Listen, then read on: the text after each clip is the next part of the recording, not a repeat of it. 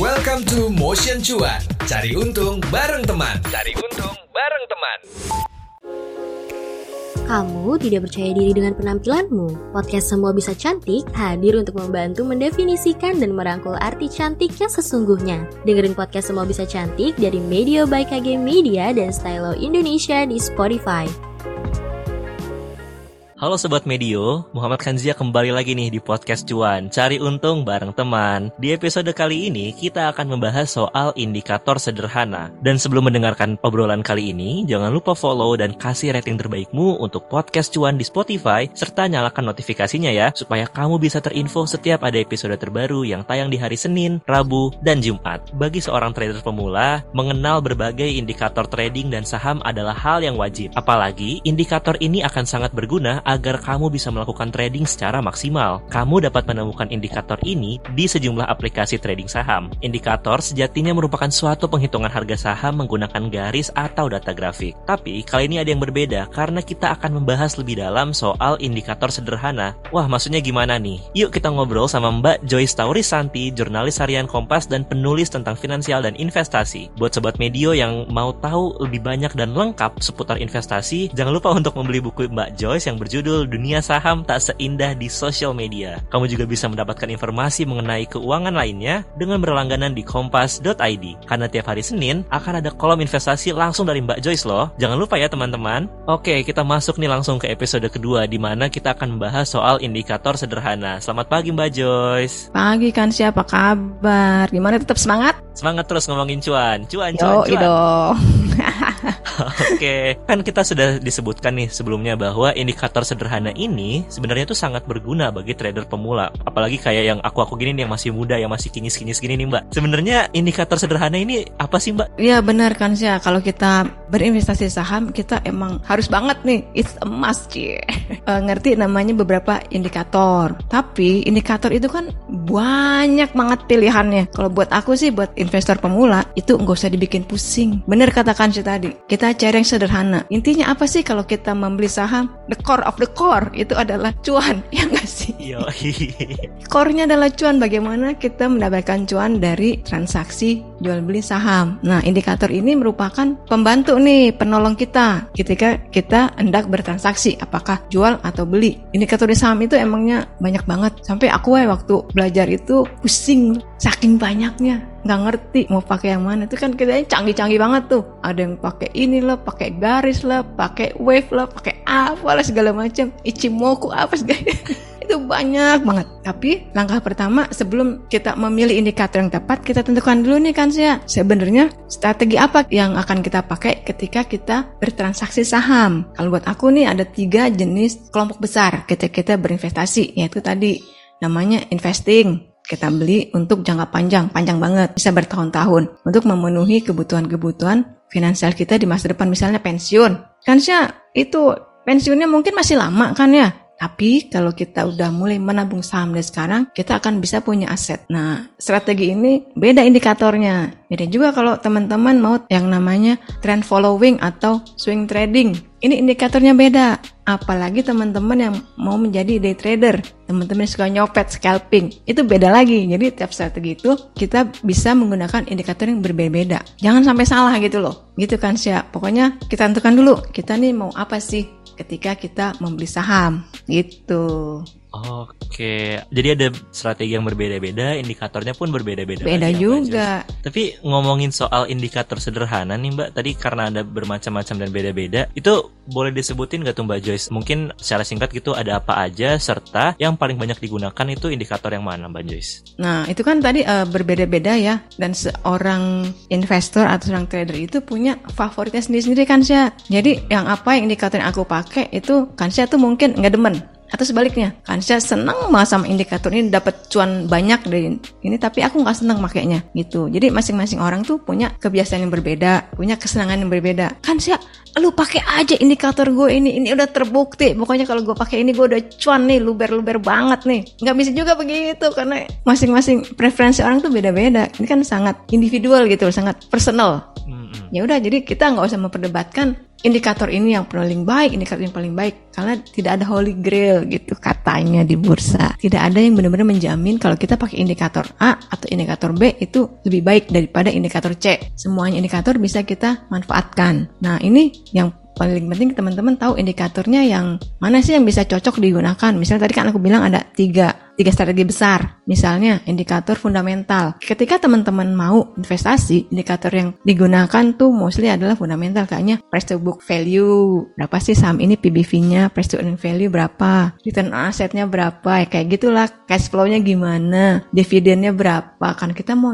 nyimpen saham ini dalam jangka panjang. Jadi mencari yang emiten yang solid, kita pakai indikator seperti itu. Nah misalnya kalau buat swing atau trend following, teman-teman bisa pakai moving average ditambah dengan volume support resistance ketika kita mau tahu apakah ini sudah patah trennya pakai doji. Ini bullish engulfing apa enggak atau pakai Fibonacci.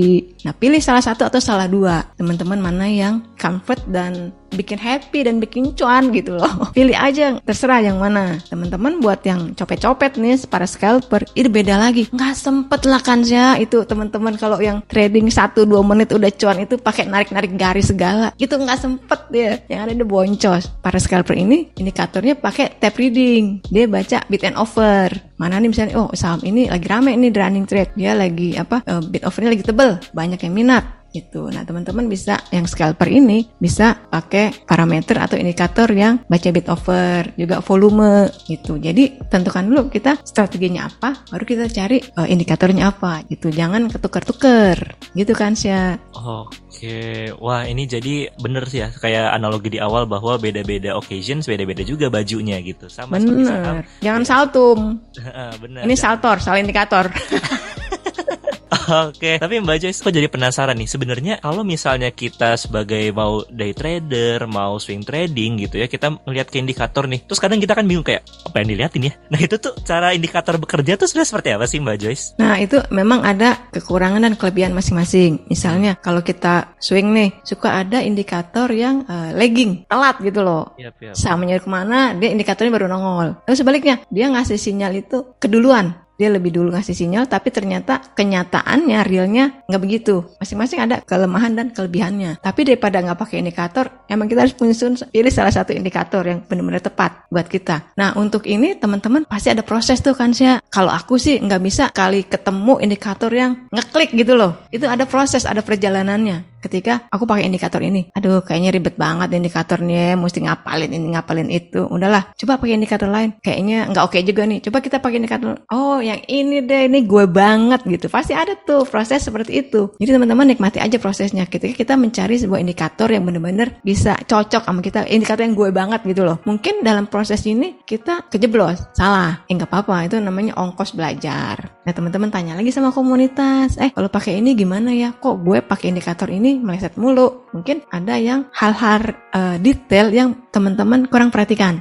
ketika memakai indikator tersebut. Jadi teman-teman bisa tanya tuh di komunitas. Pasti banyak kok di komunitas itu kan kita punya minat yang sama ya. Itu pasti ya biasanya sih beberapa komunitas yang aku tahu itu sangat helpful, sangat bantu. Oke, tapi kalau misalnya untuk trader pemula itu indikator yang paling mudah dipahami itu indikator apa Mbak? Kalau aku sih dulu lagi awal-awal itu aku pakai yang moving average tuh. Selama kalau kita uh, mau misalnya nge-swing selama itu ada di MA50 itu boleh dibeli.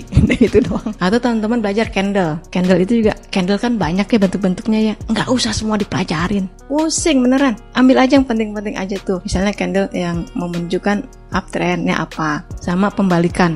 Kayak doji itu kan pembalikan tuh. Udah kita ketahui itu ketika uh, sebuah saham candlenya begini. Oh dia kira-kira dia akan begini akan begitu. Jadi kita udah tahu. Banyak sih kombinasi-kombinasi yang bisa kita pakai tapi yang menurut aku ya teman-teman mesti tahulah support resistant. Benda itu aja dulu support resistant pakai candle-candle gitu. Itu sudah sederhana. Sama moving average harga rata-rata saham tuh berapa gitu. Oke, okay, ada pertanyaan lagi nih Mbak Jess. Kalau hmm. misalnya hmm. kita tadi ngomongin soal indikator dan tradernya. Nah, mungkin nggak tuh Mbak, kalau misalnya ada satu trader gitu ya yang punya dua indikator favorit atau bahkan tiga gitu, nggak cuma satu indikator. Hmm. Iya, boleh, boleh, boleh, boleh banget. Karena indikator itu akan lebih powerful ketika kita mengkombinasikan dengan tepat. Kayak tadi tuh aku pakai misalnya pakai MA ya, MA 50 dikombinasikan dengan uh, misalnya volume itu. Nah, itu akan uh, lebih mengkonfirmasi lagi bahwa indikator itu sejalan gitu. Kalau misalnya ada dua, semakin menguatkan indikator itu. Yang namanya indikator itu kan nggak pasti kan sih. Dia cuma mengindikasikan yang uh, misalnya uh, indikator ini mengindikasikan bahwa saham ini akan naik atau saham ini akan turun. Kenyataannya, apakah saham ini benar-benar naik atau turun? Kita juga nggak tahu, ya nggak. Misalnya indikator kita pakai semua indikator itu mengindikasikan saham ini akan naik. Tiba-tiba ada perang dong di Ukraina. ya itu kan nggak ada di indikator. Iya, iya. Hmm. ya kan ya, siapa yang tahu gitu siapa yang tahu besok saham ini benar-benar naik sesuai indikator atau tidak tapi setidaknya dengan punya indikator kita udah punya trading plan kan sih saham ini misalnya indikator ini dari ketiga indikator ini saham ini diindikasikan akan naik apa strategi kita ketika saham ini naik? Kita TP di sini dong, take profitnya di sini, jangan lupa TP. Atau saham ini akan turun. Ketika saham ini turun, kita mau ngapain? Itu semua itu ada di trading plan kita. Yang namanya trading plan itu kan dibuat sebelum kita beli saham. Jadi kita stick pada trading plan itu berdasarkan indikator yang kita punyain. Yang penting kita belajar dan konsisten kan sih. Mungkin kita masuk ke satu pertanyaan terakhir nih Mbak Joyce karena kita udah sempet nyinggung-nyinggung juga. Berarti satu hal yang juga kita harus ngerti bareng-bareng selain jangan serakah, selain terus belajar, juga kita harus update sama perkembangan news dunia ya mungkin Mbak Joyce ya. Betul, karena yang namanya pasar modal itu dunia saham itu selalu berkembang. Oke, terima kasih banyak Mbak Joyce untuk episode kali ini. Sama-sama, tetap berlatih ya teman-teman, tetap semangat. Tetap semangat teman-teman dan kita akan bertemu lagi di episode berikutnya. Sekian episode podcast cuan kali ini. Thank you juga Mbak Joyce. Jangan lupa untuk follow at Medio BKG Media atau kirimkan saran ke email podcast at kgmedia.id dan dengarkan terus podcast cuan di Spotify untuk mendapatkan inspirasi menarik lainnya seputar pengelolaan keuangan, investasi, hingga aktivitas finansial lainnya. See you on the next episode Sobat Medio. Bye-bye. Itu dia Motion Cuan. Cari untung bareng teman di minggu ini. Tungguin obrolan-obrolan seru lain di Motion Cuan. Cari untung bareng teman. Sampai ketemu di episode minggu depan.